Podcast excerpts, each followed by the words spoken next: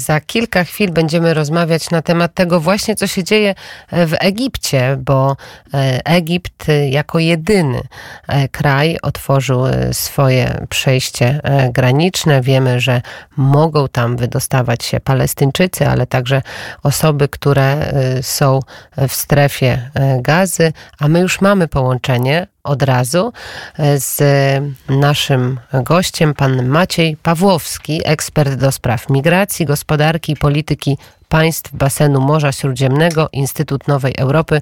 E, dzień dobry, witam serdecznie. Dzień dobry Pani, dzień dobry Państwu. To od razu na początek ten y, dokument izraelskiego ministerstwa, mm, który wypłynął, no właśnie, na ile wiemy, na ile miał wypłynąć, na ile wypłynął. Izrael rozważa kilka scenariuszów zakończenia wojny w strefie gazy, ale ten najbardziej istotny dla Europy to jest przymusowe przesiedlenie ponad dwóch milionów Palestyńczyków, między innymi kraje docelowe Hiszpania i Grecja. To może na początek, jak pan sądzi, czy ten scenariusz jest realny i co musiałoby e, się stać, jakie by musiały być naciski, żeby ponad dwa miliony ludzi rozdysponować gdzieś, rozmieścić na świecie? No, to musiałyby być naciski bardzo, bardzo intensywne i szczerze mówiąc, e, no nie wiem, no Izrael chyba musiałby zagrozić, że nie będzie współpracować w projektach energetycznych albo coś takiego, bo e, to jest naprawdę problematyczna sprawa. Tutaj poza Hiszpanią, Grecją to mamy jeszcze na tej liście Kanadę, Egipt, oczywiście Maroko i Arabię Saudyjską. I nie wydaje się szczerze I Tunezja mówiąc, się też pojawiła. Państwa i Tunezja, owszem, i nie wydaje się, żeby z tymi państwami cokolwiek było dotychczas uzgadniane, więc, e, że tak powiem, brzmi to dosyć, dosyć nieciekawie. Odnośnie Egiptu, no to też ten plan ich tymczasowej relokacji tych Palestyn, czy tymczasowego e, przeniesienia tych Palestyńczyków e, na Półwysep Synaj, przed relokacją też wydaje się mało realny. Przypomnijmy teraz, e, Egipcjanie otworzyli e, przejście graniczne po, po, po, po, po kilkudniowych negocjacjach, ale tylko dla obcokrajowców i osób, osób z podwójnym obywatelstwem i osób bardzo ciężko rannych. I tam z tego co wiem, przeszło tych osób raptem 500, prawda? Natomiast tu mówimy o dwóch milionach. Syna jest specyficznym miejscem, jest jedynym miejscem w Egipcie, gdzie, żeby pojechać, trzeba mieć specjalną przepustkę. E, wszędzie są tam posterunki policji, ponieważ no, to, są, to są góry, w których ukrywają się terroryści z Bractwa Muzułmańskiego. I e, no, prezydent Sisi też nie chciałby, żeby wśród palestyńskich uchodźców znaleźli się przedstawiciele Hamasu na przykład, tak, którzy z tym Bractwem Muzułmańskim mogliby zjednoczyć siły. Przypomnijmy, że w 2013 doszedł do władzy obalając prezydenta z Bractwa Muzułmańskiego Mursiego i jego głównym dążeniem polityki to jest to, żeby to bractwo muzułmańskie było jak najdalej, dlatego wspiera generała Haftara w Libii, świeckiego dyktatora. E, I dlatego z drugiej strony właśnie nie chciał przyjąć Palestyńczyków, bo obawiał się przejścia też ludzi Hamasu tam do niego. No i tu nagle doprowadzenie do tego, że oni wszyscy mają znaleźć się na Synaju, nie mówiąc o tym też, że Synaj nie jest miejscem przygotowanym, tam brakuje wody, brakuje mediów i tak dalej, więc nie jest kompletnie miejscem przygotowanym na przejęcie dwóch milionów e, ludzi, no to to jest już pierwsza wątpliwość. No a druga wątpliwość, rozdysponowanie ich pomiędzy pozostałymi krajami, no to brzmi troszeczkę tak, jakby Izrael chciał się pozbyć tych ludzi e, z tego terenu i oferował im państwa, w których jest e, lepszy poziom życia niż w strefie gazy, tak, żeby, żeby oni do nich wyjechali i o tym zapomnieli, tak. Natomiast ciężko mi sobie wyobrazić, żeby te państwa docelowe miały się na to zgodzić. Ruch przez przejście graniczne w, Racha, w Rafach, bo o tym przejściu granicznym mówimy, jest zwykle bardzo ograniczony. Przekraczać je mogą wyłącznie cudzoziemcy, mieszkańcy gazy posiadający specjalne pozwolenia. Tak było do tej pory. Co musiało się stać, żeby Egipt zdecydował się w ogóle na podjęcie takiego działania? Czy y, zależało Egiptowi, żeby nie był y, obiektem krytyki ze strony społeczności międzynarodowej? Czy co musiało wpłynąć na władze w Kairze, że zdecydowały się na taki ruch?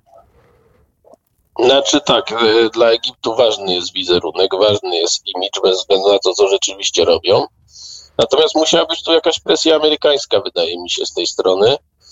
E, bo, bo, bo ciężko mi to sobie wyobrazić inaczej. Generalnie Egipt nie jest chętny przyjmowania uchodźców z Palestyny. Społeczeństwo z nimi sympatyzuje, owszem, ale władza niekoniecznie jest chętna do przyjmowania, obawia się dużego napływu, obawia się, tak jak mówię, mówiłem, e, tego, że również przedstawiciele Hamasu tam się pojawią i połączą siły z terrorystami z Synaju.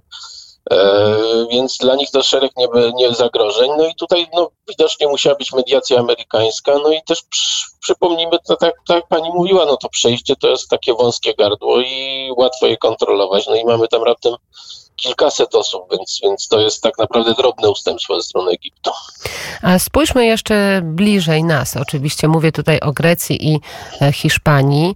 E, czy my mamy jakiekolwiek informacje płynące właśnie z Aten albo z Madrytu e, odnoszące się do tego planu, o tym, o tym absorpcji i osiedleniu, bo tak się mówi, izraelski plan absorpcji i osiedlenia uchodźców palestyńskich w zamian za budżet absorpcyjny.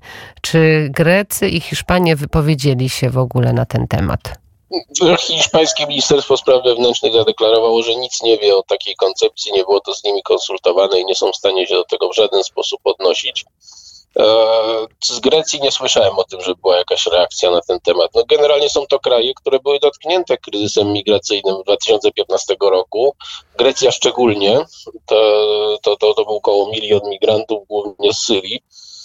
E, w Hiszpanii te liczby były mniejsze, ale powiedzmy w 2018 zaczęło to, to narastać i też społeczeństwo zaczęło się wtedy do tej e, migracji nielegalnej negatywnie odnosić.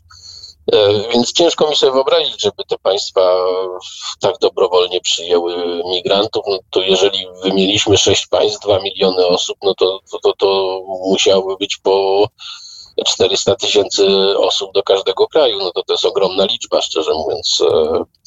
E, ciężko mi sobie wyobrazić, jakie argumenty Izrael może przyjąć e, w tej sprawie. E, i argumenty takie natury humanitarnej ratowania wizerunku Izraela, no to, to takie są, że tak powiem, no, no, no ciężko, ciężko, ciężko mi przyjąć, żeby, żeby tylko taką presją moralną udało się te państwa przekonać. Ten budżet absorpcyjny też nie wiemy, jakie to by były kwoty, jakie wartości. Ale powiedzmy jeszcze e, o samym tym przejściu granicznym w Rafach. Co to jest e, za przejście graniczne? Co to jest za miejsce? Bo wiemy, że ono przechodziło w różne ręce, że to nie było e, spokojne miejsce na, na mapie świata. No, generalnie cały Półwysep Synaj był przedmiotem konfliktu. E, podczas wojny w latach 60. Izrael e, zajął Synaj całkowicie. Tak? Później e, w ramach negocjacji z prezydentem Sadatem ten Synaj został zwolniony, zwrócony w zamian za to, że Egipt nawiązał stosunki dyplomatyczne z Izraelem jako pierwsze państwo arabskie i został wtedy uznany jako zdrajca społeczności arabskiej. No, w ostatnich latach pozostałe państwa, tak jak Maroko, Sudan, e, e, czy Tunezja, Emiraty Arabskie, czy Arabia Saudyjska również te relacje nawiązały, co wynikało z ich rywalizacji z Iranem. No i no, to przejście, tak jak mówię, no, było w, w, swego czasu ziemią izraelską, dzisiaj jest ziemią egipską. E, jest to teren, gdzie jest bardzo wzmożona kontrola po obu stronach granic. I tak jak byłem dwa lata temu na Synaju, no to rzeczywiście byłem również niedaleko tego przejścia to tam są wszędzie posterunki wojska i policji. Naprawdę jest ich mnóstwo. No i nie da się tam dojechać bez żadnych specjalnych przepustek i co mniej więcej 30 kilometrów jest się kontrolowanym, czy rzeczywiście ma się prawo tam wjechać. E, to jeszcze na koniec, bo zostały nam dwie minuty rozmowy. E, wiemy także o tym, że w tych e, porozumieniach, negocjacjach brał udział Katar między Izraelem, Hamasem i Egiptem. Tak jak pan powiedział, Stany Zjednoczone na pewno w porozumieniu.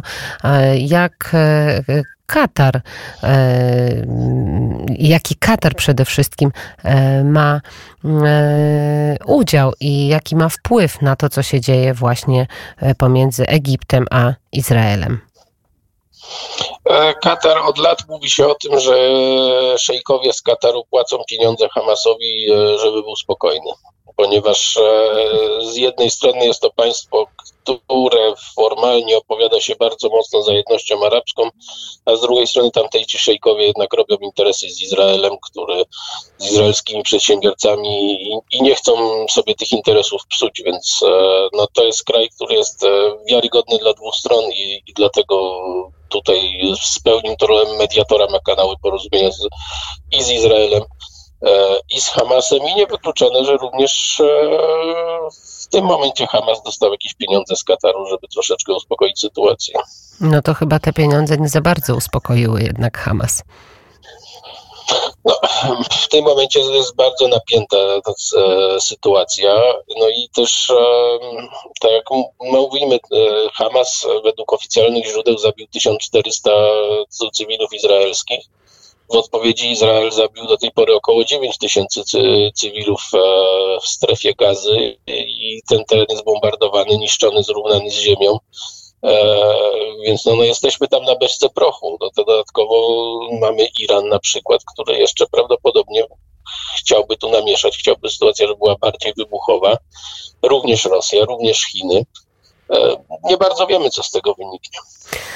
Ale będziemy na pewno to monitorować na pewno będziemy o tym mówić, a dzisiaj na naszej antenie mówił o tych relacjach pan Maciej Pawłowski, ekspert do spraw migracji, gospodarki i polityki państw basenu Morza Śródziemnego, Instytut Nowej Europy. Dziękuję bardzo za rozmowę i do usłyszenia. Dziękuję, do usłyszenia.